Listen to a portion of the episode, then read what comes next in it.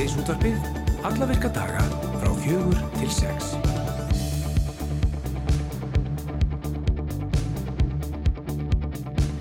Og það eru Guðrún Dís, Emil Stóttir og Kristján Freyr Haldursson sem að stýra þætti dagsins.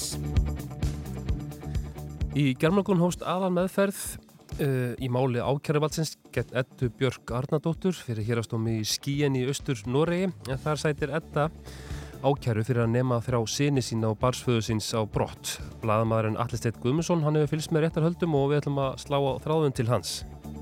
Og við ætlum að taka líka stöðuna á deilirafskútum í, í þættinum og spyrja hvort það sé hreinlega óætt að nota slík þækki yfir háveturinn til að mynda hvítjörð hér uh, á höfuborgarsvæðinu og uh, svona aðeins að forutnastöðum hvernig skúturnar eru útbúnar uh, fyrir slíkar aðstæður. Og Sæjun Ósk Unstirstóttir Frankardur Hopp allar að vera á línunni hjá okkur og ræða þessi mál við okkur Matræslumeistarinn Gunnar Karl Gíslason og selgerinn Sverri Þór Sverrisson þeir buðu landsmönnum til aðvendu veistlu í sjóarbi landsmanna á dögunum þar sem þeir heimsóttu fólki í Mývasveit og, og víðar. Og þá var meðal annars hangikjött og laugabröð á bóstólum en núna á milli hátíða þá fáum við sjá, sjá afrakstur jóla og áramóta veistlu halda þeirra félaga þar sem þeir smakka á skötu og gæði sér á eggjapúnsi. Við ætlum að heyra í veistlubræðurum Gunnari og Sverri þeir hérna á ettir koma enni heimsókn Dúettinn Saxi og Saxi eru einækja saxafóndúett sem að leikur lifandi liftutónlist og hafa þeir félagan og aðvendunni gert uh, viðreist um miðborgar Reykjavíkur og spilað uh, silkimjúkar saxafón útgáður á nýjum og gömlu jólalögum. Sem vera frumsaminn og önnu sem við vissum ekki einu sinni að væru jólalög. Við höfum fengið á til okkar áður. Gott eða það var ekki fyrir síðustu jól. Það er svo leiðis Já og þeir voru brjálæðislega skemmtilegir og hugulegir mm. saxafón tónar eru hugulegir saksa og saksa til okkar og eftir og beða og taka lægi fyrir okkur. Uppáhalds hljóðfæri öruglega margra hlustenda, Já. saxafónin.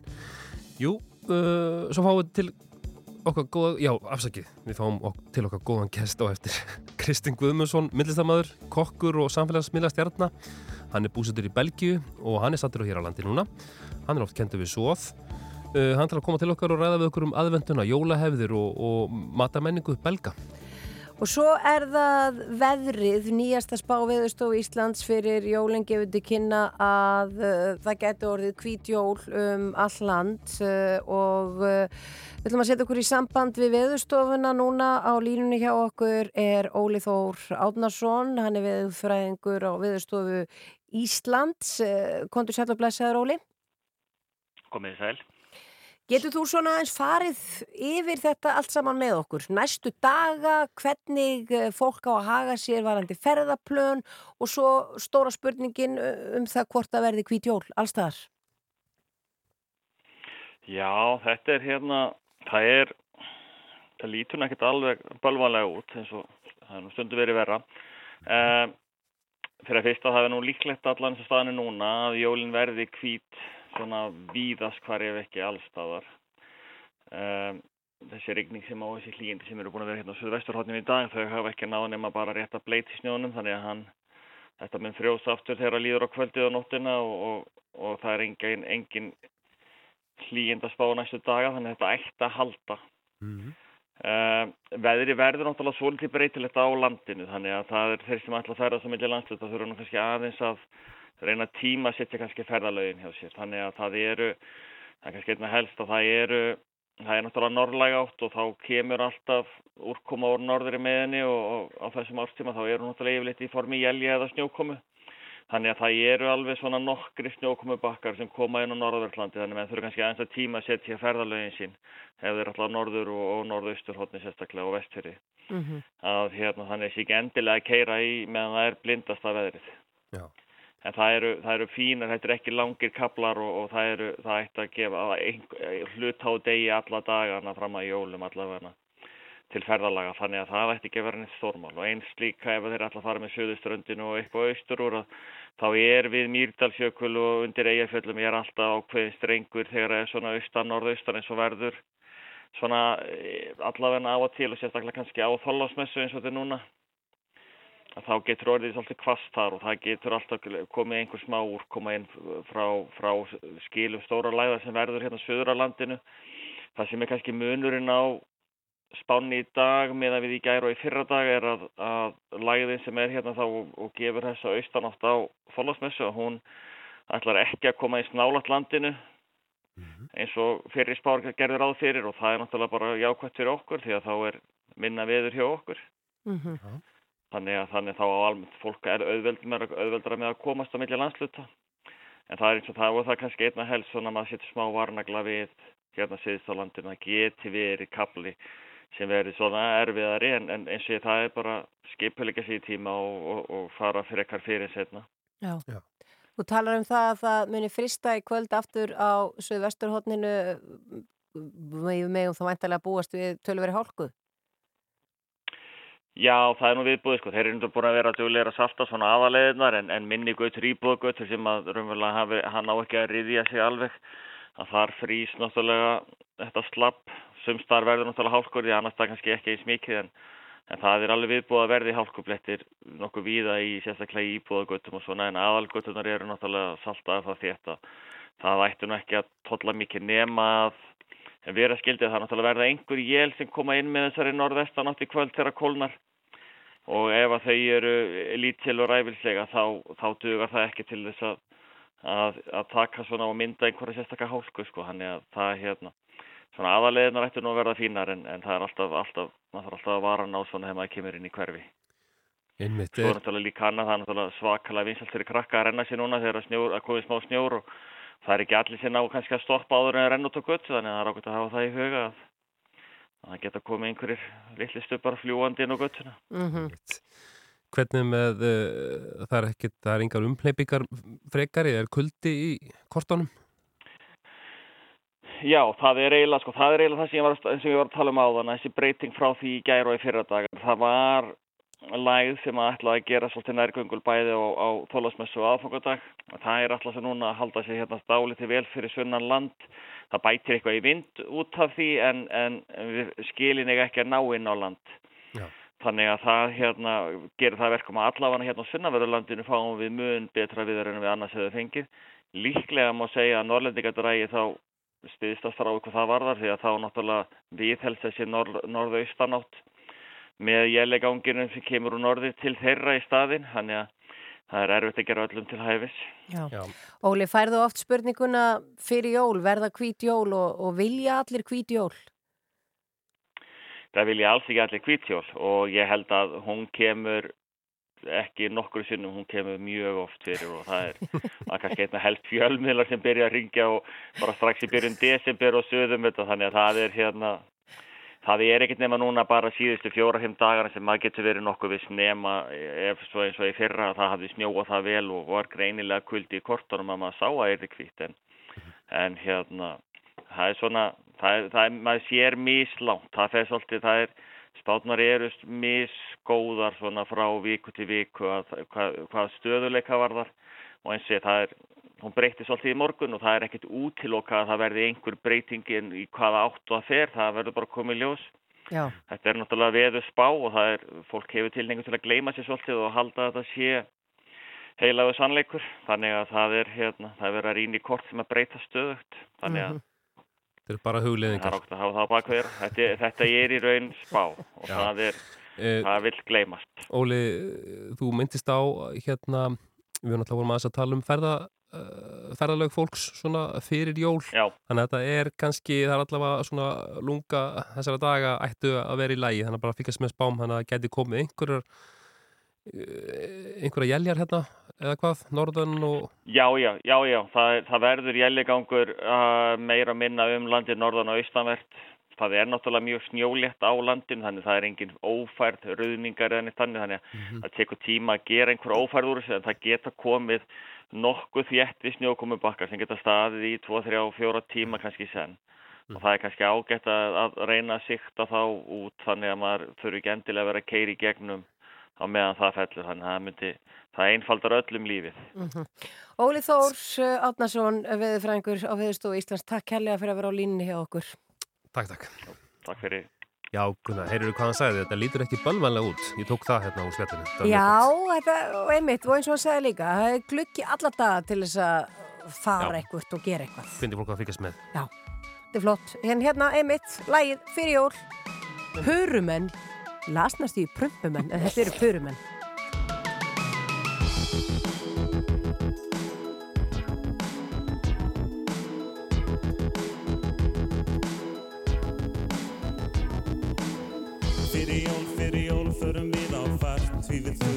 gera svo galmart Lækkar sól, lækkar sól en við látum þó ekkert aftur okkur í því að það snjó. Fyrir jól, fyrir jól, fennur spari fér Þetta kaupa maður fallegt sem ég hef sér Þetta dótt, jóladótt, nokkar blöndur með Líka skröð til að setja á jólan mér En það borgar sig að vera mér með búin En við þurfum að hljækjast um allan bæ. Eftir ferðina verðum við eflaust lúin Fyrir jól, fyrir jól, svona er það bæ.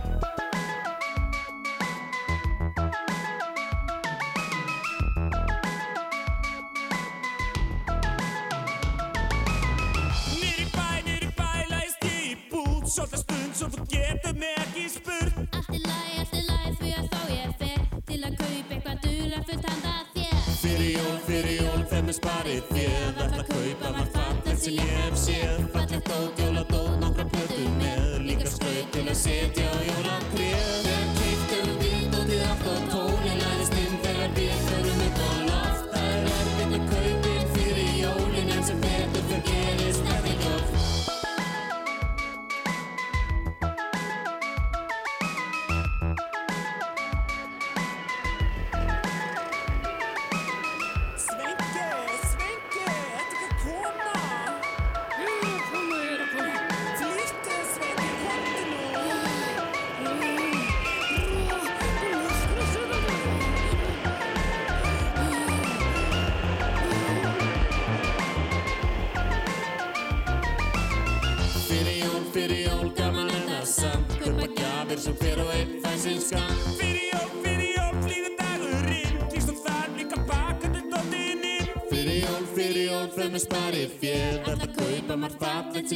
sé Fallegt nót, jóladót, nokkra plöður með Líka skreit til að setja.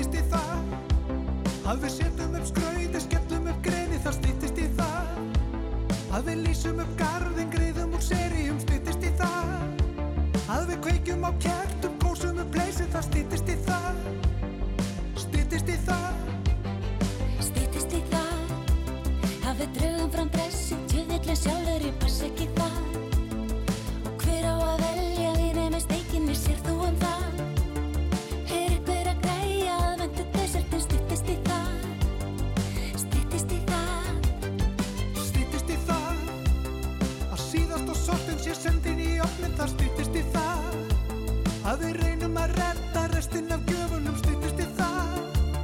Að við skrúpa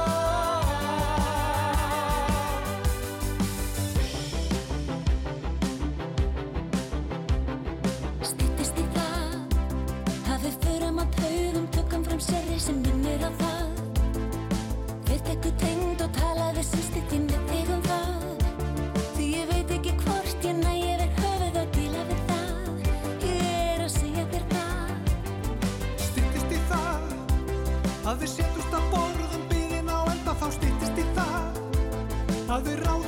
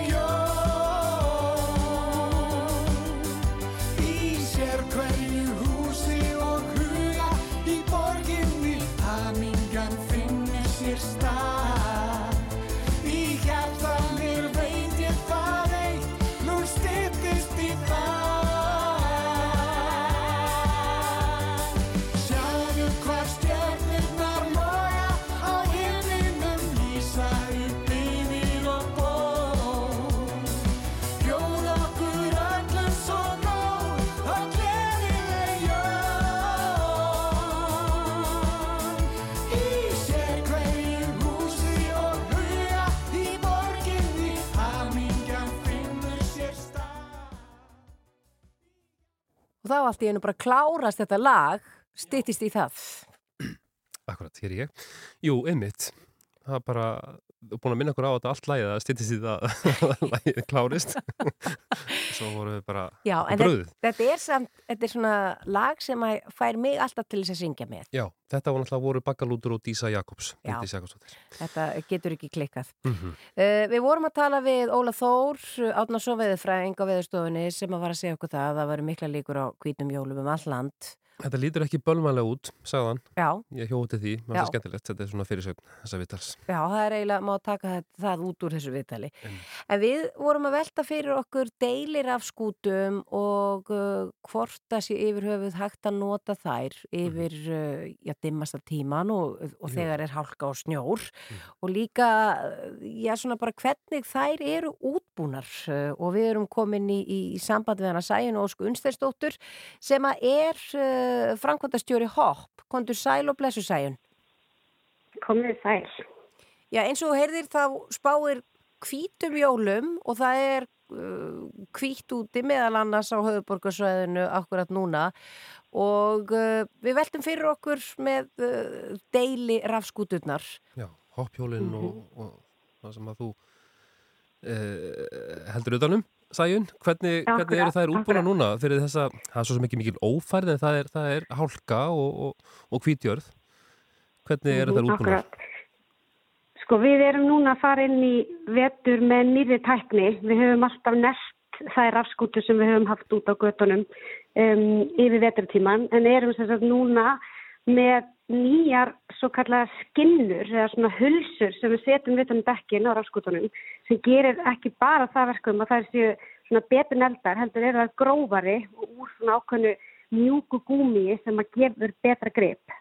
Þannig að við erum mjög spennt fyrir þennan vetur að sjá hvernig, hvernig þetta kemur. Þetta er norsk félag, Retire, sem að margir hjólraða menn þekkja vel og hérna er bara frábær tækni og skiptis okkur miklu máli hér upp á að, að svona íta undir betru öryggi. Já, og er þetta að reynast betur heldur en naglarnir?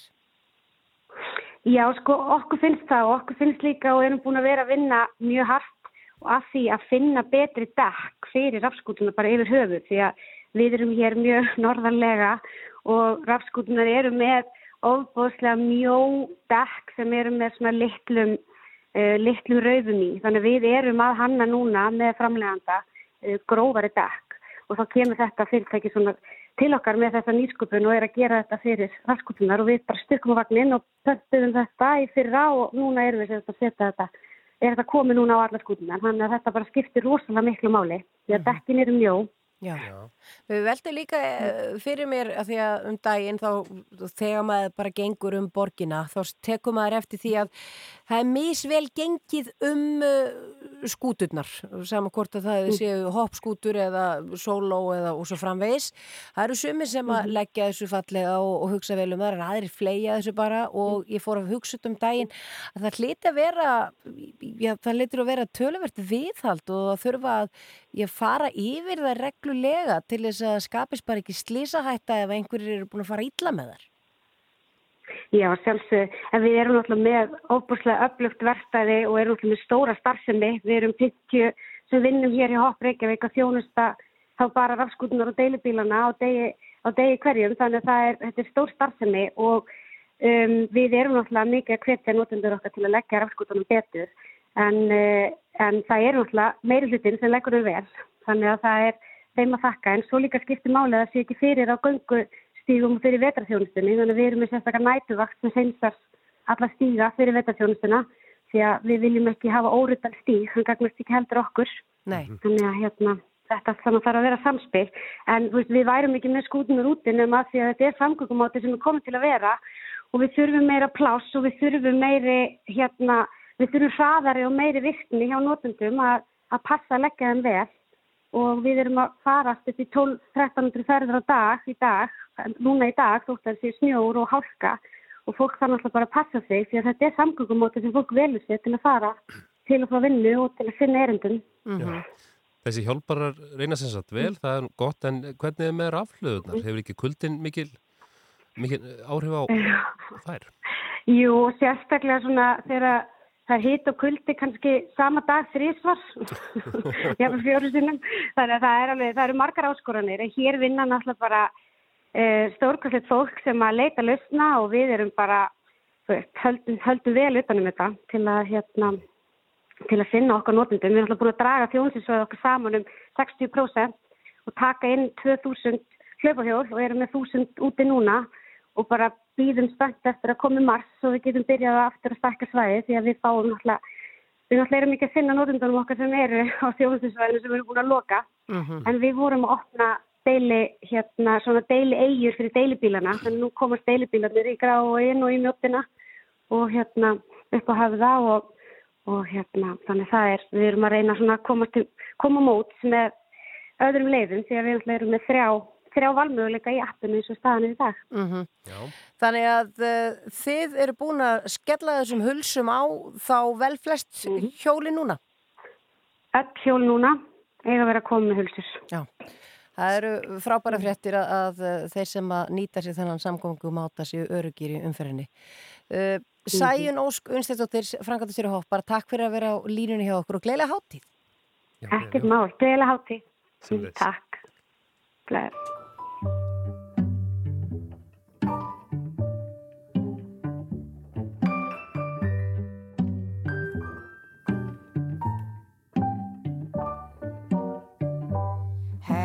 Yourself a merry little Christmas. Let your heart be light. Next year,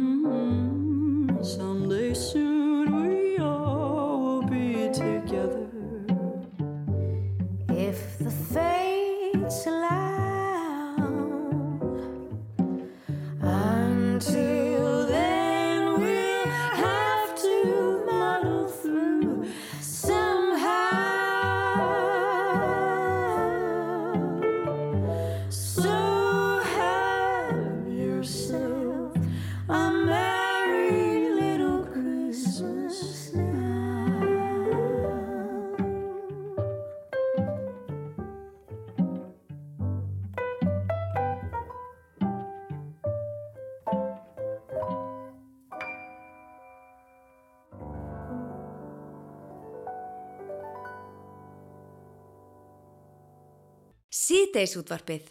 Hæfileg blanda frá fjögur til sex á Rástvö.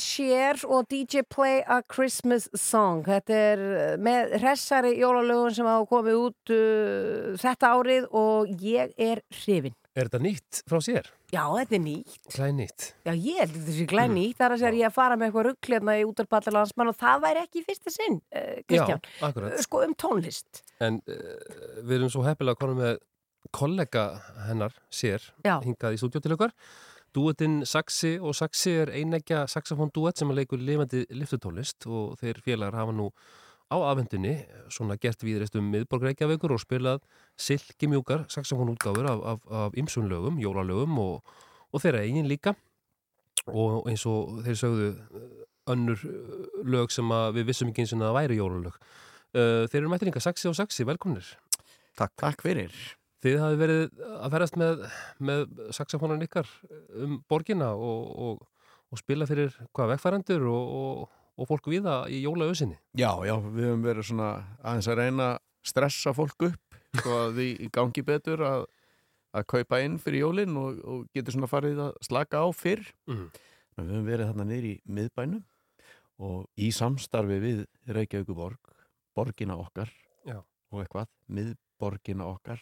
Já, og við höfum farið inn á veitingastæði og, og svona eiginlega hrakið fólk þaðan í innkaupin.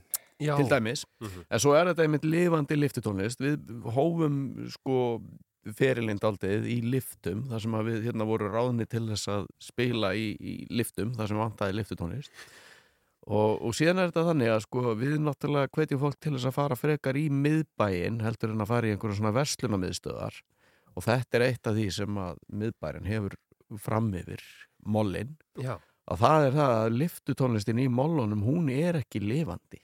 Mm. það er bara eitthvað af geisladisk sko. En í miðbænum þar er lifandi liftutónlist Og þeir eru að lifta fólki upp en, en líka að stressa, stressa það líka. Já, já. Já, bara búa til svona stemmara. svona Já. góð, góðlegt stress Já, og, og fólk náttúrulega upplifir þetta á misjafnan hátt sem er tjúnast upp og aðrir ró- róast við þetta. Já. Og hva, hvað er svona helst á efnisgráni hjá okkur? Já, þetta eru bæði sko við erum með nokkur frumsamin jólalög og auk þess erum við með mjög þekkt jólalög eins og hérna eh, til dæmis leiðilegsta jólalag allra tíma sem heitir Last Christmas en nema í okkar útgáfu þá erum við búin að gera það mjög skemmtilegt Já, já. og svo erum við með nokkur jólalög líka sem bara þú vissir ekki að væru jólalög Mm. fyrir að þú heyrir það Já. Og það er til dæmis eins og jólalægið Ríól eftir Djúran Djúran mm -hmm.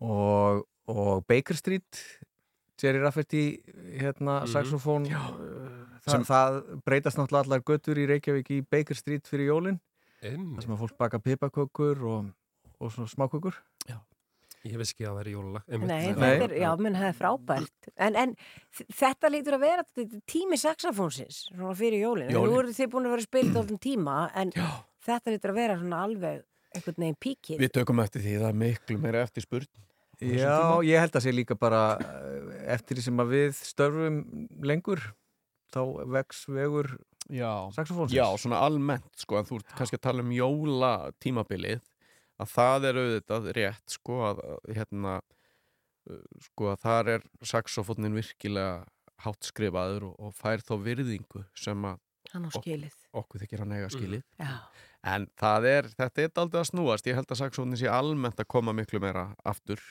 og, og verða þetta aldrei svona aðal. Hann er að vera töff aftur. Já, ekki spurning það er ekki nóg með að þið séu að, að glæða jólalögum lífi Mhm. og, og, og hérna blæstri, heldur eru þið líka að fara frumsýna mymband, eða frumsýna í kvöld, já, Já. mymband við, við nýtt lag eða nýja útgáfu af, lagi sem hefur komið út áður eða ekki, eða hvað? Já, við bara erum nýbúinir að gefa út og þetta er okkar fyrsta útgáfa og fólk bara endilega að leita þetta uppi á Mhm. Spotify og öllum þessum veitum Mhm. og það er sem sagt lagið uh, sem er nú, við lítum nú á það sem jólalag líka, það er lagið hérna Personal Jesus Já, sem er eftir hérna þá kumpána í hljómsveitinni Depeche Mode Já, en það er jólalag af því það fjallan um Já, Jesú. Já, Að og fjalla jólin um og personal Jesus er náttúrulega mjög viðigandi að því að þó að jólin séu þetta tími svona sem fólk kemur saman og gleðst saman þá er líka tíminn til þess að líta inn á við og finna sinn eigin persónlega Jésús Mm. Mhm. Eigum við ekki að heyra þetta lag? Jú, alveg Jú, það viðeigandi. Já. En hvað er það sem að uh, fekk ykkur til þess að, að snerta á þessu lagi? Er þetta, kalla þetta á ykkur bara uh, svona saxofónlega séð eða, eða er það bara Jésu Já, það held ég Já, bara, það er í þessu lægi einhver svona reyfing sem að hentar vel eh, saxofónunum og, og svona tjáning Já, já, akkurat. En svo höfum við nú hérna, hérna tókst okkur nú að senda þetta lag á uppalega flytjendur þess eftir krókaleðum Nú, já, já. og, og höfum fengið skilabóðu frá þeim tilbaka að þeir, hérna, við sendum sem sagt tónlistamindbandið á þá Dave og Martin sem samtilagið og þeir voru bara svona líka ánæði með þetta þá sérstaklega með myndbandið Já. Já. Og þetta myndband ætlum við sem sagt að frumsýn í kvöld Já. klukkan átta á hérna stað sem heitir Anna Jóna Já, Við ætlum að senda svo ítrekkun til þeirra og spyrja hvernig þeim hafi þótt flutningurinn og útsetningin en þeir tjáðu sig aðalega um myndbandið Já, en þeir voru ánæði með myndbandið Já. og sérstaklega ánæði með dans sem kemur þar Já, já, já, já. Já, já, við býðum spennt. Já. Það. Klukkan átta á fólk að mæta sérstu önnu og náttúrulega sjá. Já, þá getur að sé myndbandi klukkan átta og svo hálftíma setna munum við sem sagt spila fyrir gesti þar Já. og ef þið komist ekki þá munið þið kannski ná okkur í herrafattaverslun í að þið bíóparadís verðið víða og Já, fólk, við sem á heimsækja miðborgina þeir gætu átt búin að sjá okkur. Já. Æðislegt. Við skulum- okkur, við skulum heyra lægið. Já, við skulum heyra þetta. Þetta eru Saxi og Saxi, takk fyrir komina og hérna er þetta Personal Jesus. Takk fyrir.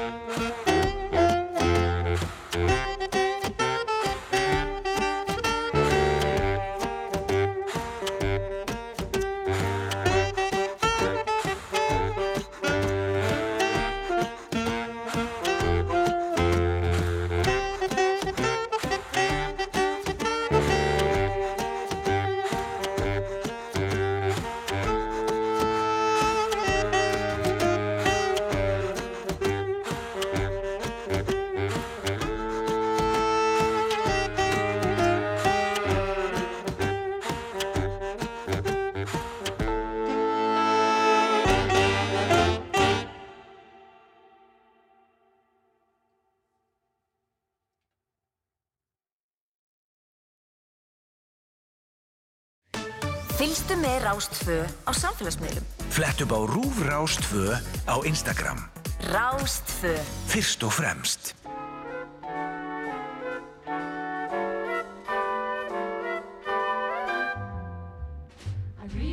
But baby, it's cold outside.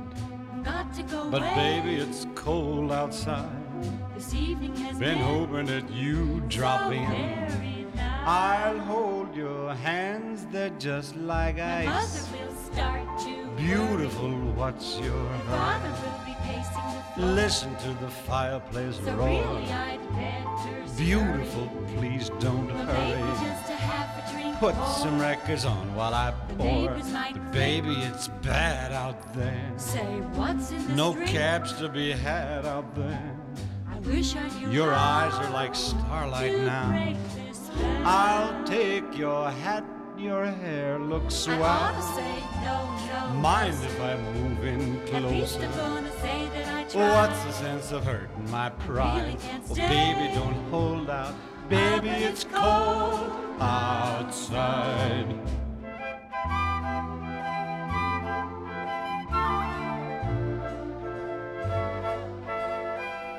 I simply must go. Baby, it's cold outside.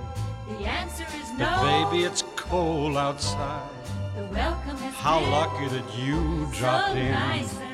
Look out the window at the My storm. sister will be so Gosh, your lips look My delicious. will be there at the door. Waves upon the tropical shore. My mind is Gosh, your lips are delicious. just a cigarette Never such a blizzard before. But home. baby, you'd freeze out there. Say, lend me a coat. It's up to your knees out there. You've really been I thrill when you touch my But hand. don't you see? How can you do this thing to There's me? bound to be talk Think of my lifelong At least sorrow. there will be plenty in If you caught pneumonia and I died, really can't get over that old doubt. Baby, it's cold.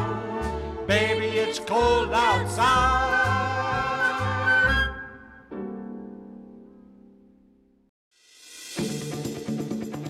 Ert að hlusta á síðdeis útvarpið á Rástvö.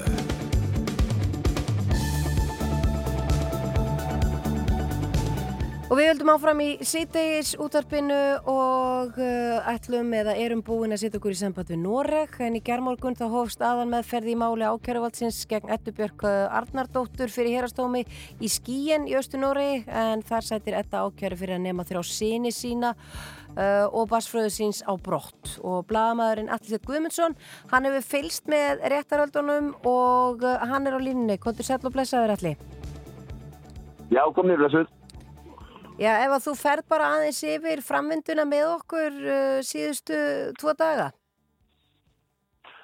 Já, sem sagt aðalmeðferðin hófst eins og þú sagðir í gær og allir henni hérna lauk í dag. Og í hérna Sjén, þetta er þetta borð fram Sjén þó að ég skrifið að skíen merkilegt nokk, enginn sem er getað skýrt almennilega. En þetta hófst í rauninni alltaf því að, að um, saksóknari, hún Lísa Dalá hélt sín, sína ræðu og hérna, nei fyrirgjöðu hérna, fyrirgjöðu hérna, hérna, það voru laungerindi gerð þar sem að Edda fór yfir sitt mál og, og svaraði spurningum hér á stómara og saksóknara og réttargjastumanns batsöðu síns, hans Sjakk Hóheim og um, svo í rauninni voru vittnaleistur tölverð í hlutadagsins í gæð, þetta voru fengnir uh, sálfræðingar eða veit sálfræðingur sem hann Hóheim leiti fram og nágranni þeirra sambyrðisfólksins á sínum tíma og fleiri sem að í rauninni lögðu fram sín sjónamið og, uh, og náttúrulega dagurinn hafði áður hafist með því að, að batsfadurinn auðvitað uh, sem er stattur á Íslandi kom fram í, gegnum fjárfundabúnað og fór yfir sína hlið á málinu og hérna rætti sín sjónamið og, og svo hérna leitt aðeins rauninni í því að hérna, svo, já, og náttúrulega þetta viðurkendi, viðurkendi sök í málunum að hluta þar að segja og viðurkendir að því sem að óumdeinlega gerðist í málunum þar að segja brottnámi drengjan að tryggja á og það hefði gerst en, en sem sagt, hún telur hins vegar kringustöður hafi verið fyrir hendi sem er réttlæti þetta brottnám sem hefur komið nú viða, viða fram í umræðinu og eru hluti af, af deilum þeirra, þeirra fóreldrana og það var svona það sem svona það aðalmálið í gær Er það þarna þá? Já, já. Já, Já, já, ok. Og nú, uh, Blacksvæðir er náttúrulega, sagðist vera vel með vel veðvitaður um að það ábyrðu sem þetta hefur haft upp, upp í gegnóninni málunum hefur verið rannsakaður af hérna lauruglu og bandanvættir yfirvöldum og, og léttvægur fundin. Það er að segja að, að hennar ásækjarnir hafi verið uh, rángar af, af, af, af mestu öllu reyti og, og hérna hún náttúrulega bar það á hún hefði, hann hefði beitt börnin ofbeldi og, og, og, fleira og þetta kom fram frá bætsfjöðum að hann óskæði þetta ekki heitar en að umframgast öll börn sín en náttúrulega þetta hefur þegar hún namn þegar brott verið, verið stopult og nú voru náttúrulega drengið þrýr hörnir og, og, er í fjölum einhver staðar sem að hérna hann kom nú til minn í dag hann, hann hóheim réttakastlu lögmaður og vakti alla, alla á Íslandi sem eitthvað vissu uh, um hvað þeir getur verið niður komnir að hérna einn dreig til að hafa, hafa samband við yfirvöld og láta vita því svo því sem komið á framfæri. Nú dagurinn í dag þá lauk í rauninni vitnalegslum og svo voru allar lokaræðunar haldnar það er að segja saksóknari héttin og lokaræðu og krafðist eins ás og fimm mánada fangilsis yfir ettu það er að segja töluvert svona já, þingri, þingri dómen hún heit hérna 2019 þegar hún fekk, fekk sex mánu hérna lagði þá mikla áherslu á að um, ídregunarbrot var að ræða þannig að þingri er sem ekki verið krafist og vittnaði í ímis dómafórtæmi því til, því til hérna sannita nú verjandi Ettu hefur súl elden, tók þá til máls og, og vísaði þessu í rauninni á buga miklu leiti hvað í rauninni ekki um, svo alvarleg brota, broti hefði ekki verið þar að segja meiri háttar heldur, heldur teltist þarna einhverjum minni áttu brota ræða þar að segja framkvæmdina á sjálfri brotnámanu og lagði miklu áherslu að það er etturinni að taka tillit til þeirra upplifunar móðurinnar sem þarna ætti þeir stað, átti stað og, og þessar langvinna ósættis þeirra fóreldrana Nú, hún rætti því næsta ástand og líðan lengjana ekki á Íslandi sem verður náttúrulega enga meginn í samræminu þá mynd sem ákjæraverði hefur dreigð upp í málflutningi sínum. Og það væri ekki rétt að, að, að, þeir væru, illa, illa gættir aflega og, og liði illa heldur ættu þeir vinna og þreifist vel og, og hérna allt gengi í hæginn og er náttúrulega kannski að vissuleiti orða á, móti orði. Og á lokum eftir að Súla Elden verjandi flutti sitt mál þá að komið að, að Sjakk Bohem er eitthvað gæslumanni batsföðurinn sem hafði, hefur uppi bótakröfi í máluna, hann er ekki hlutar eftir máluna, heldur hluti bótakröfuna, hann gafist 200.000 norskra króna sem er það er það nú núna, það eru 12 krónur er ekki 2,456 miljónir í bætur og þetta er miklu búri að hérna vísa í dóma fórstæði, hann hefur flutt svona mál áður þar að með að leitt mál sem er til dæla nýlega dæmt um, vegna mann sem að með namnbrott uh, barn frá Nóri og flutti þetta til Sútans en hans náttúrulega hlýðnir engunga því að raukstuða bóta sínar. Mm -hmm. og Súleldin vísaði þessari kröfu á bög og kröðust læri bóta. Ég mann ekki hvað hann sagði það var töluvert læri þetta var svona púðrið helsta innihald dagsins í dag sem var lauk síðan á á hérna gæsluvarhaldsþinghaldi eða fengslinsmötið eins og kalla það sem að meginreglan í norskum refsiréttir svo að sá sem að uh, sagborningu sem sýtur í gæsluvarhaldi þegar aðalmið fyrir málans hefst, hann sýti fjóra vikur áfram eftir að aðalmið fyrir líkur og, en hann getur þú alltaf krafist þess að vera látin laus og það var einmitt það sem fór fram í dag og, og verjandi eftir í rauninni settir frá kröfu að það væri algjörlega ástæðalöst að hérna, halda henni í gæsluverðin til það látt frá í janúar. Og saksókur er náttúrulega mótmælti þessu með þeim rökum að hún getur þá í rauninni gert uh, enn frekar ástæðan til að að reyngjandi færi og huldu höfði lengur. En líðustæði þessu máli uh, gæsluverðanstingaldinu hún verður sennilega ekki ljósverðin á förstu daginn þegar stómar hefur rýmri tímafresti en þegar krafist í geslu var það í fyrsta sinn sem er 24 tímar en hann hefur, hefur tölvögt rýmri fresti eða verið að krafist, framhald þannig að þetta verður líka kveðið upp á fyrstuðarsmorgunin og þá er ljósport að þetta situr í, í hvernafangilsunni hérna í Sén næstu fjóra vikundar eða hvort hún getur flóið heim til Íslands fyrir jól. Þannig er nú, er nú staðinni í málunu í dag og svo verður þess að dómur í sjálfur málunur eftir dómur verður kveðin upp líklega fyrstu vikunni í janúar. Mm -hmm. og það eru þau komið með allt sem hefur gestinn í dag og í gerð svona mestu leita alltaf og það aðfylgir svörasta. Já, og það, ég las nú frétt sem þú hafði skrifað og það var tala við föðu drengjar eins og sagðir í gær uh, já, hann er hér já. á Íslandi og það hefur ekkert spust til þeirra eða hvað? Til, þeirra sem sagt hans? Nei, til drengjana hann, að því að Nei. hann, mér fannst eins og þessari frétt að hann hefði sagt að uh, hann vissi, þeir var ekki í sambandi við vini sína eða ættingja var ekki í skóla og svo framvegis, þannig að uh, kom eitthvað frekar Já, fram um það. það, það er hann að lýsa náttúrulega almennt yfir sko, ástandi þeirra, það er að segja hann, hann þeir eru ekki í, í sambandi í rauninu við neina og það var það sem að sem að, sem að veldur er ég, eftir því sem ég best veit á, á Íslandi þá hefur ekki spurstu drengjan hans og það, hlýtir nú þá að hérna, spyrjast út fljótlega eða eða fyndust Mhm. Já, en er það, menna, allir þú búin að setja þetta, er þetta, er þetta, er mikið fjallað um þetta mál í Noregi?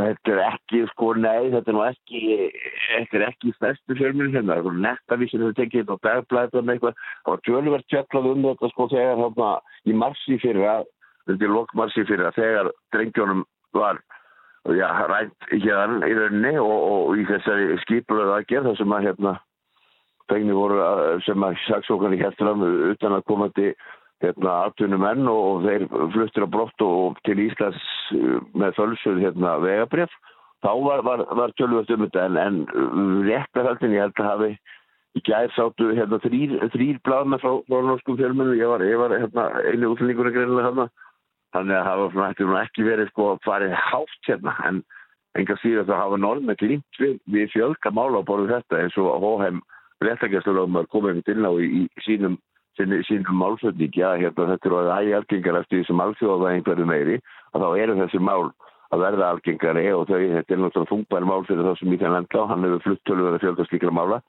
Þannig að hérna þannig að það verður nú, verður nú loska fjölnum að, að gefa þessu meiri góð en þetta mál hefur ekki farið farið svo hátt hér, ég held nú flestir svona sem fylgjast ekki með fjölmunum að ráði þeim sé kunnut um þetta. Já. Uh, Allir steið bara takk kærlega fyrir að fara yfir þetta mál með okkur og við fylgjumst áfram með þessu og, og fáum mæntalega fréttir af þessu á förstu daginn. Já, alltaf hvernig gestu, gestu var það trúskunni fór, já? Já, bara bestu Og kveð, Þetta þetta er fyrstu vikun í janúar sennilega. Já, bara bestu kveðju til Noregs, takk kærlega og gleðilega háttíð. Kæra þakkir, bestu guðu til Íslands og gleðileg jól. Þá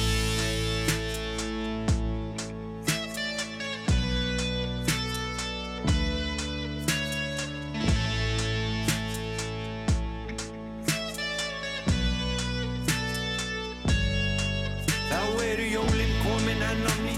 Og ég er komin í jólafrí Ég ætla að smetla mér í jólabað. Það er ekkert lítið sem ég elska það. Ég er komin spari fötin í Reyna jólasokkana. Og jólakötturinn er í Fílu bak við blokkina. Jólasveitnin er að dúlast Í pappa fram á gangi. Í opninum er hnetusteik Það er sums ég allt í gangi. Ég er að trillast úr spenningi. Nú við dundin í lágmarki Svo ég kalla saman jólakór. Og við syngjum saman jólalag Prinsinn sendir jólakveðju til heimsbyðarinnar Hann elskar ykkur næstum öll, þið eru ljúlingar Prinsinn sendir jólakveðju til heimsbyðarinnar Hann elskar ykkur næstum öll, þið eru ljúlingar Ég drekk ekki jólabjór Það er nú meira bullið Setti nýjar umbúðir Sama gamla sullið. Mér er saman pakkana Ég á nóg að dóti. Ég gaf þá snauðum albana Hann gaf mér knús á móti. Þið fáið enga gjöf frá mér En ég skal semja vísu. Hún fjallar um þjáða þjóð Í djúbri jólakrísu. Af hverju við höldum jól Það veit ekki nokkur. Kveikir samt á kertinum Furðulegur flokkur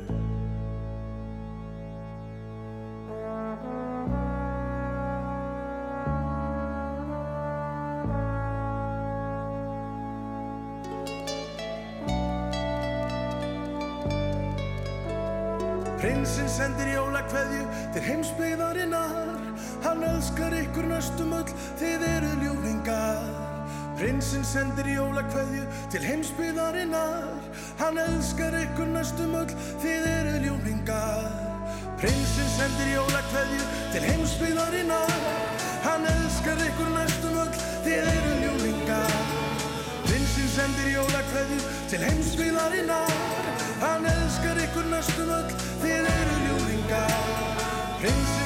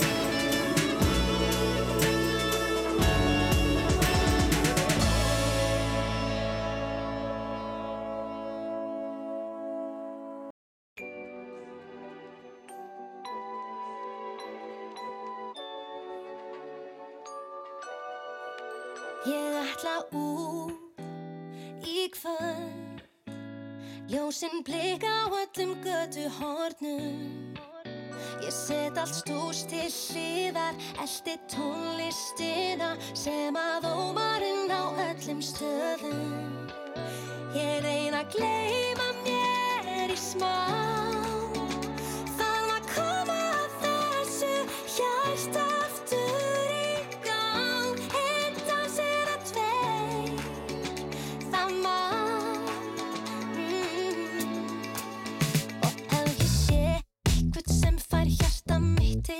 til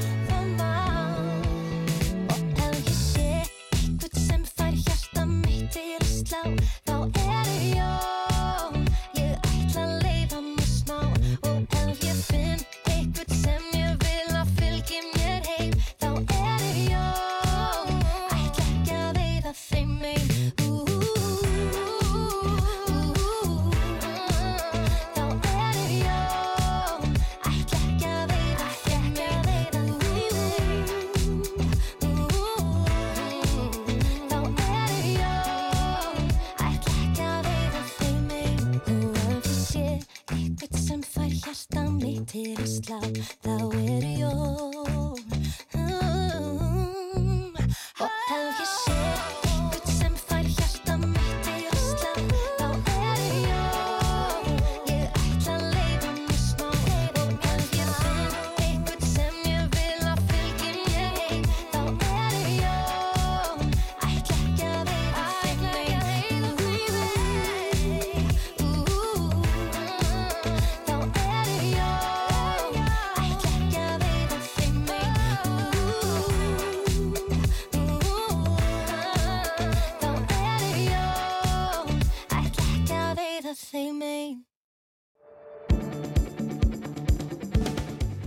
Þetta er Jóhanna Guðrún og þetta fína jólalag sem að koma út fyrir uh, tveimur áru síðum Mm. og uh, mér þetta svona að hafa bara einhvern veginn smollið vel inn. Er þetta orðið samt með klassík? Það er búið að stimpla Já, sig. ég er bara akkurat, ég dillaði maður smá, ég skal viðkynna það. Já, það takt, ætlar ekki að eða jólunum einn. nei, það er taktur í þessu. Akkurat. Já, já.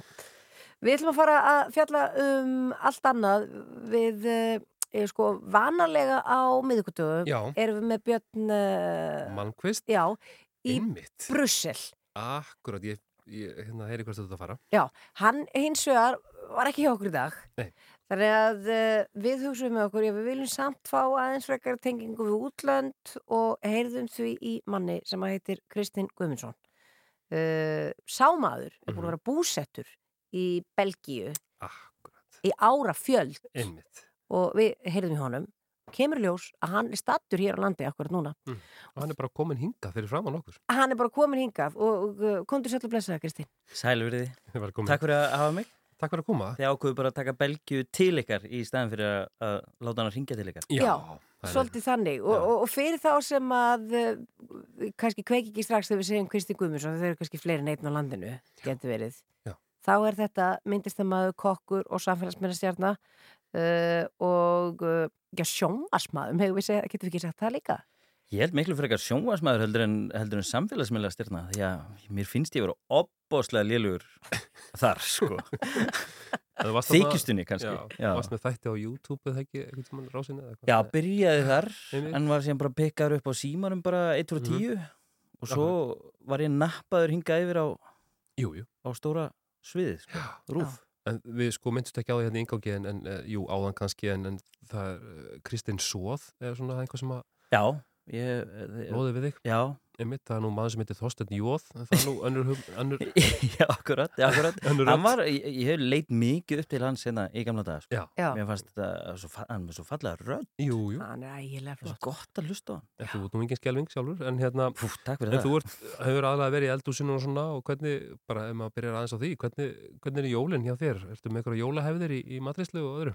Sko, neða, nei, ég, ég var erfitt með hefðir, sko. Mm. Mér finnst gaman að, að brjóta upp hefðir og, og, og svona brjóta upp bramla, svolítið, hérna, hefðirnar.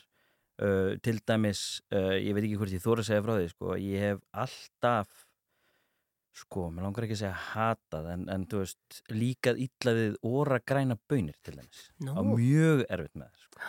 Alltaf. Bara frá þú varst barn. Með að bara, þú veist, ég bara fúlsaði við þessu, alltaf, sko. Já, já. Og er það maður sem það bara þú þólir þá ekki hefðir? eh, Ég, ég held það nefnilega sko. Já. Eða, þú veist, það kemur, þetta er kannski, kannski svona uh, manifestar sig í, í, í þessum þessu Já, en hvernig e- er í Belgíu? Því þú er búin að vera bústu þar í en 10-11 ár og þú átt uh, belgíska konu og, og þeir eru með fjölskyldu að núti. Hvernig eru, eru belgarnir uh, mikið að uh, já, gera velvissi á aðvendunni og, og, og halda þeir jólinn hátileg? Sko þeir, mér finnst þeir ekki vinna mikið með aðvenduna sem ég sakna svolítið sko, að vinna með hana en þeir eru með hérna Sinterklaas sem er hljómar eins og Santa Claus, já. sem uh, hann sumri segja sé byggður á að þú veist, eh, Santa Claus er byggður á Sinterklaas Já. og það er hérna aðeins fyrr í, í, í desember svona hvenar, 10. desember eða svo Já. Já. og hérna eitthvað þar í kring og þá er það svona fyrstu pakkanir sko. en þetta hefur ekkert með jólin að gera samt sem ég skil ekki alveg því hann er í rauðri kápu, hann er með skegg en, en svo er hann með uh, svona aðeins svartari sögu sér við hlið sem, sem svona sem við þurfum kannski ekki að fara út í hérna það er svona, Já. sumir Já. vil ekki viðkjanna það Nei. Já. En, en eins og með að þú varst að tala um jólahefður okkar Íslendinga, við erum með hangikjötið og það er þessi hambúrgarhyggur og það er þetta hitt og þetta sem að grænubönindar. Já, akkurat. Passar allt með grænum bönum, segja þér, sko. já. Er eitthvað svona í Belgíu eða Brussel sem að já, þér finnst til dæmis ómissand að fá þér um jólinn? Eða í, í þessu mánuði? Já, sko endífu salat þú, þú komst með þessa spurningu á mig áðan og ég þurfti aðeins að hugsa sko. En, en hérna sikoríu salat sikoría er, er hérna sagt, uh, rót sem var einu sinni notið sem svona kaffibætir. Bre- rótin var brend og, og hérna og, og, og, og möluð og bara brugguð eins og kaffi. Mhm. en hérna, en mér finnst rosa gott að not- nota hana feska. Hún er mjög bitur og á móti allir þessi sætu til dæmis hérna, í hambúrgarhrygnum sem er, þú veist, oft beisaður með tomatsósu og, og ananas og svona Púðursykri og- já. og bara you name it sko og, og þá er gott að hafa kannski svona smá biturleika með Kaffi fívill Kaffi fívill er, er, er, er já, síkorja eða kaffi fívill Mhm. er, hérna, er íslenska heitið yfir, yfir, yfir þessa. Já, Já. Kaffi fívils salat. Hljómar það ekki svolítið gott? Virkilega. Já, Spennandi. Já. En hvað, þú, já, ert vanalega, ertu þú vanalega úti um jólinn eða kemur þú hinga, sækir þú í jólinn hinga? Það, já, mér eh, sko, vi- eh, sko eins mikið og ég sagði á þann að við erum svona að ég sé ekki svona vanafastur en þá er samt gott að hafa pínufestu eins og að mér finnst voða gaman að klæða mig upp fyrir jólin. Belgar gera það ekki mikið sko ég fór einu sinni í partí alveg uppdressaður, uppstrílaður fyrir sko partí 2004 sko eða svona bara veislu Aðfangadagur, já, aðfangadagur bara og, og, hérna, og ég strílaði mig allan upp og, og, hérna, og ég var langflottastur í þessu partíi en ég hefði getað, þú veist, alveg getað dressað mig niður mikið og verið ennþá flottastur sko. Já. þannig að hérna þannig að mér finnst svo hefð svolítið skemmtilegt skemmtileg að, að, þú veist, að klæða sig upp, þó þú sést bara heima þú ert ekki að fara og, og sína þig og sjá aðra þetta er bara fjölskyldaðin en, en, en svona, Já. að klæða sig upp fyrir hátíðina finnst mér nöðsileg Já. Jólakötturinn, ég trú á hann nefnt Já. Já. Og ef þú stattur úti, ertu þá að taka þögnina á rás eitt og ertu að taka, menna, te, heldur upp á aðfangadagskvöld af því þú ert í, e- eins, eins og við sögðum, þú átt konu sem að er ekki íslensk. Já. Þannig að hvað hef, hef notið þið eða hvað eru þið að gera á aðfangadagskvöld? Við höfum ekki ennþá tekist, þó hefum við sem búin að vera saman í tíu ár sko, Já. að við höfum ekki tekist ennþá að búa til okkar hefð.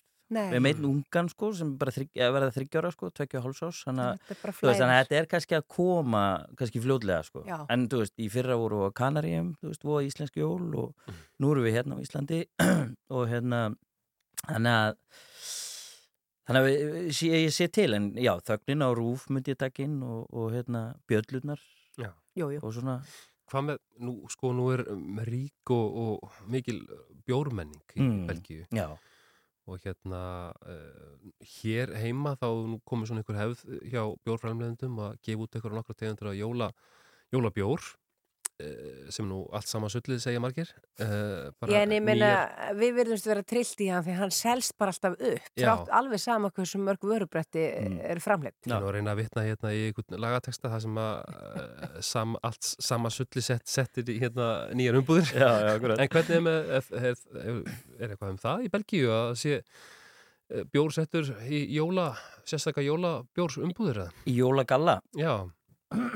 Já, um, ekki mikið samt, ekki eins og hérna sko. En, en þú veist, margir af þessum belgisku frægu bjórum eru svolítið jólabjórslegir sko, þannig að ég eh, þú veist, ég kaupi stundum svona jólabjór í júni á svona þú veist, 50% afslætti þegar þeir eru orðinni þreyttir á lagarnum. Þannig að belgarnir eru ekki að rífa þetta úr hillunum eins og, eins og við Íslendingurinn sko. Eldar upp á bjór? Já, ég gerir það. Já, eins og hvað? Eh, Svínakinnar, það er einn á mínum uppáhalds hérna, belgísku réttum. Alveg hérna, bara svínakinnar í, í brúnni bjórsósu. Þá nota maður alveg þeldökkan svona 8% bjór. Alveg indislegt ertu, ertu bara að sjóða þetta eða í- hægælda þetta í potti inn í opni? Já, í potti Já. í svona einn og hálfan tíma því að uh, Þetta er bara eins og skankar nema þú ert með svínakinnar. Já, nefnum með svínakinnar og þú veist, skankarnir og kinnarnar eru kannski að vinna jafn mikið sko, Já. tuggan sko að vinna E, eru við Íslandingar að vinna mikið með svínakinnar? Eða er þetta? Nei, en mér finnst að, sko, ég hef verið að sjá svona eins, þessa, hérna, eins og Gísla Matt, hann var með eitthvað, eitthvað pop-up um daginn Já. og þar voru svínakinnar á, á, á matselinu. Er. Þannig að, þannig að það eru að koma inn, sko. Já.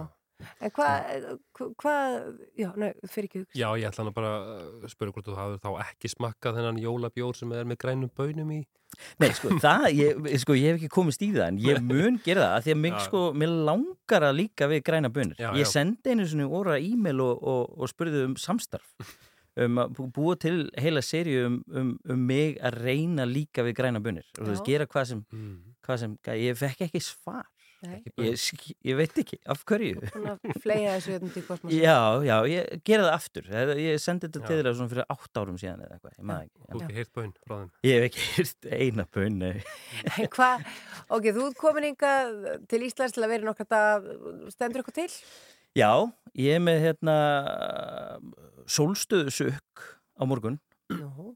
Já, þá ætla ég að halda þryggja rétta veislu á, á bístró og hérna bara, og þar ætla ég með þetta að elda upp úr bjór, grísa kinnar upp úr bjór Nú, já. Ég hafði samband við Gísla og spurði hvar hann fengi Já, hvað fær hann það?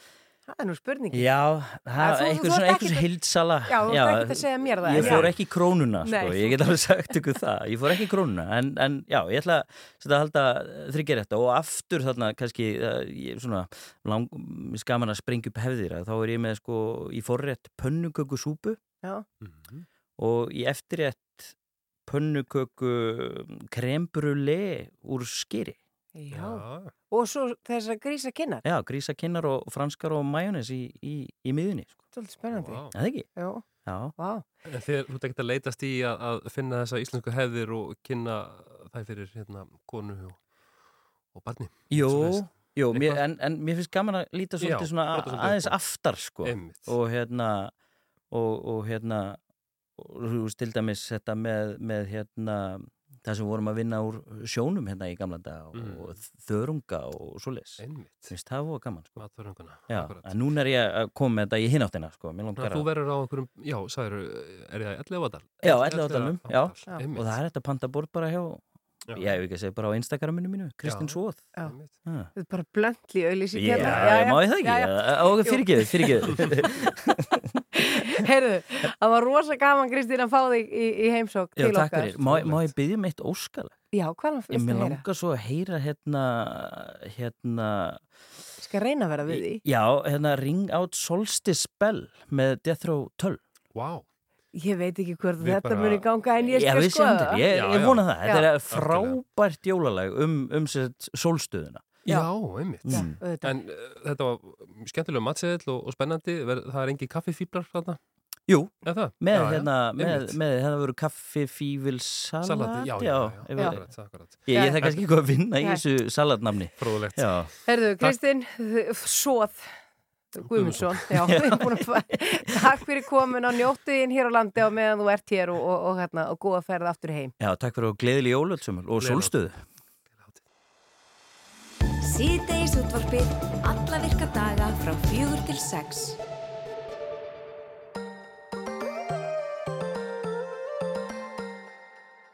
Ég er venjulegu maður, mátt stóla á mig.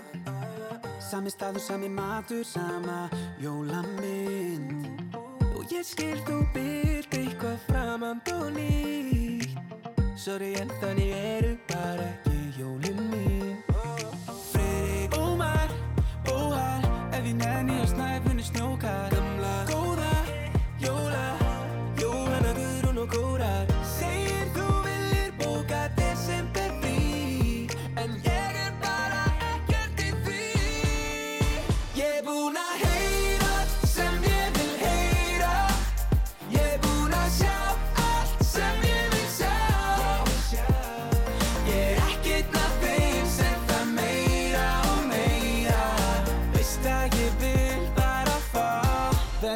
típisku jól. Yeah, yeah, yeah, yeah. Oh, Bara þessi típisku jól. Ég hengi upp gömlu rauðu serjurnar Vil bara gildum að hýnt og spytana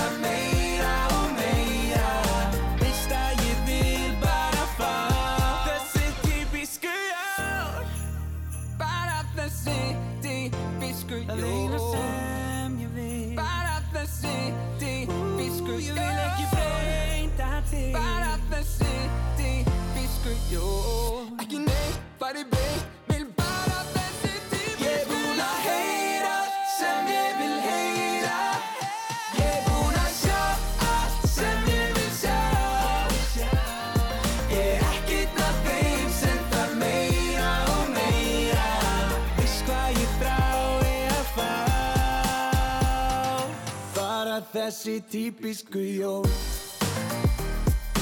Yeah, yeah, yeah, yeah Bara þessi típisku jól. Bara þessi típisku jól. Bara þessi típisku jól. Síðdeis útvarpið alla virka daga frá fjögur til sex.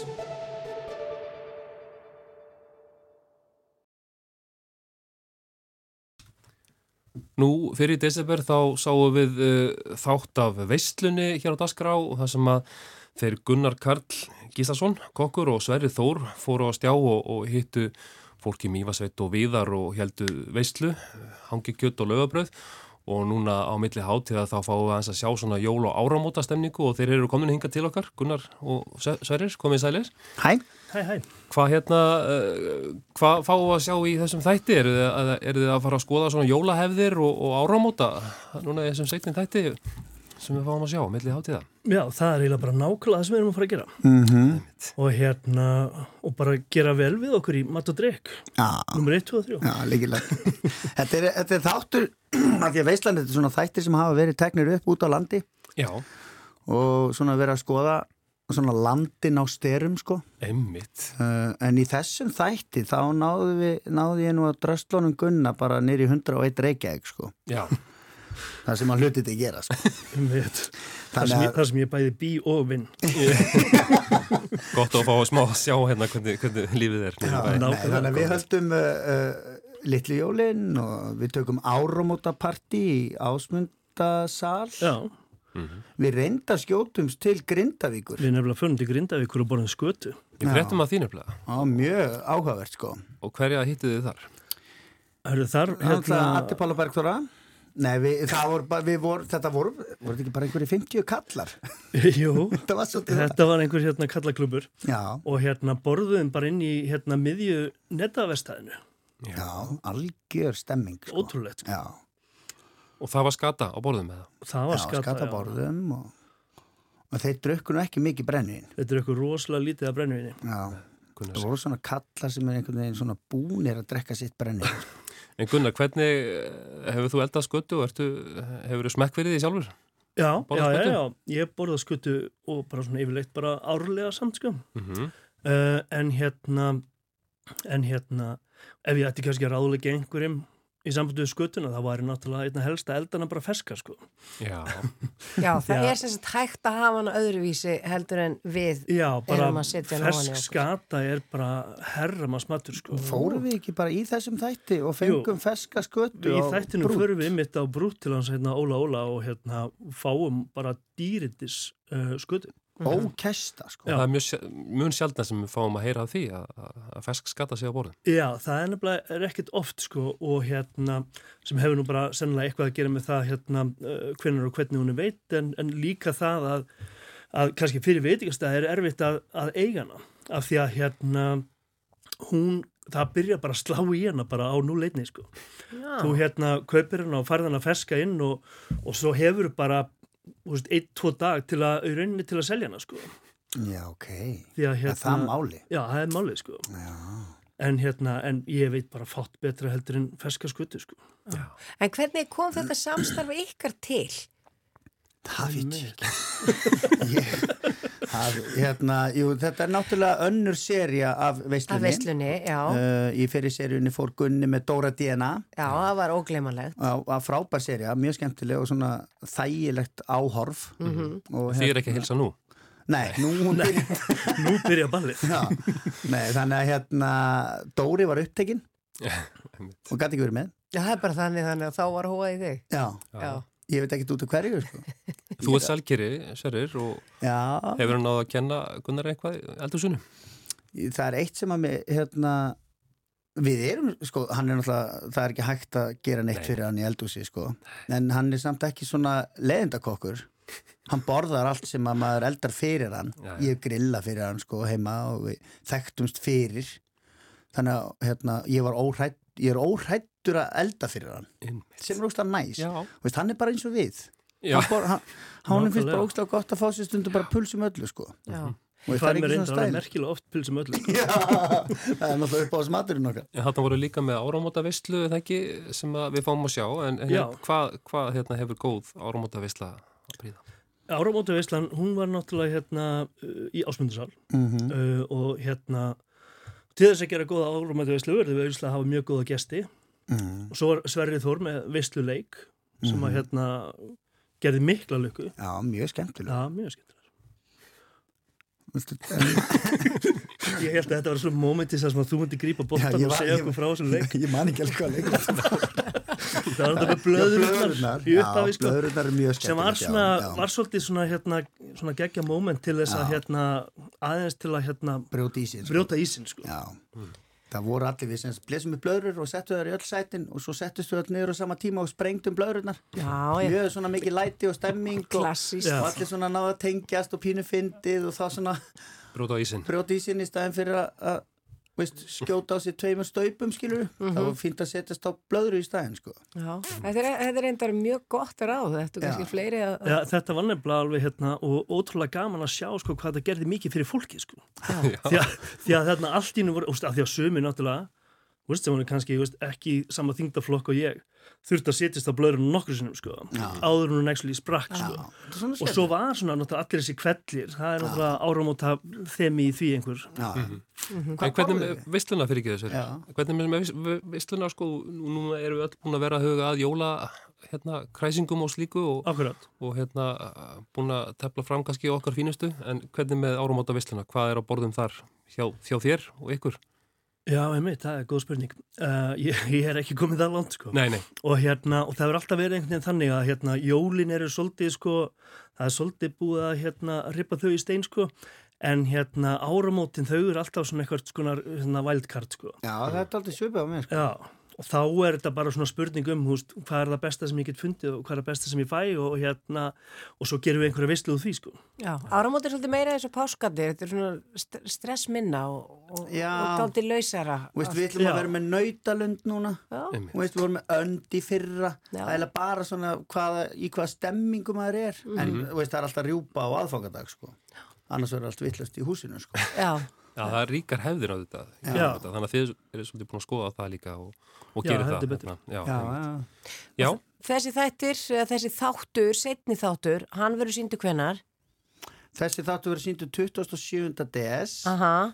Og þetta er ekki beint setni svo verður þrýr þættir viðbót já. Nú, ég held að, já, það voru bara tveir svo svona sem jóla. voru verið að huga jólunum. Já, það- þetta er sem sagt þemað í þessu er sem sagt það er aðvendu þáttur sem var síndur í byrjun des Ah. Mhm. svo er það jóla áramóta þáttur í miðan des Aha. svo þ- næsti þáttur er þorra þáttur í februar Já, auðvitað.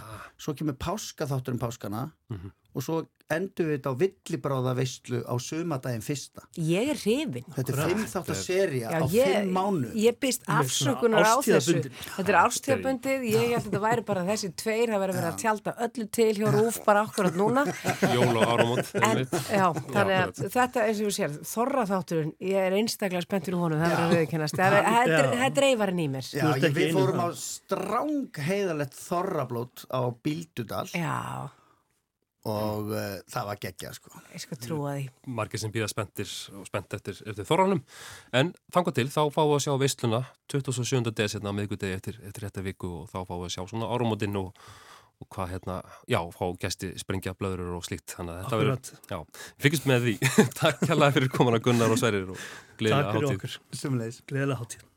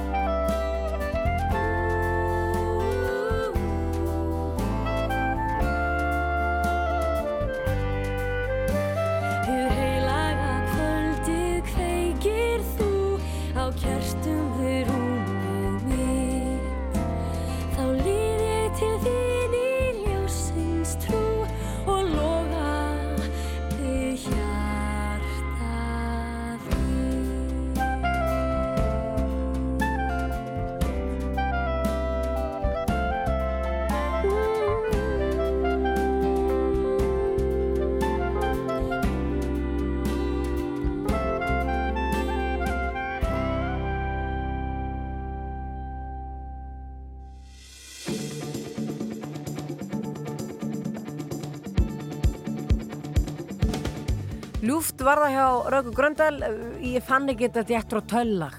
Nei, sem að Kristinn baði um hann á hann Nei. Einmitt, Ah. hann alltaf Kemur ekki að sög. hann er að koma utan úr heimi við erum alltaf, við erum svo lítil hér við erum alltaf, þekkjum ekki alveg eins mikið og hann Einmitt, Nei, en það er komið að lokum uh, síðdeis útvarpsins í, í dag.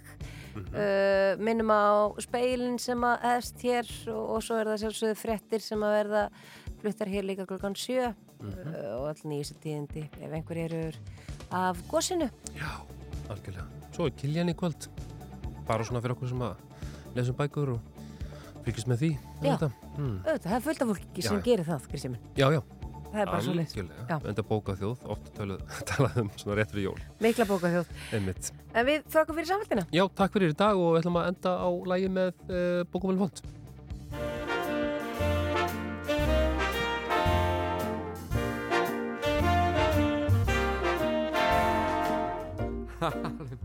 Merkilegt hvað er þetta að geta mikið á skömmun tíma. Sérstaklega í desember.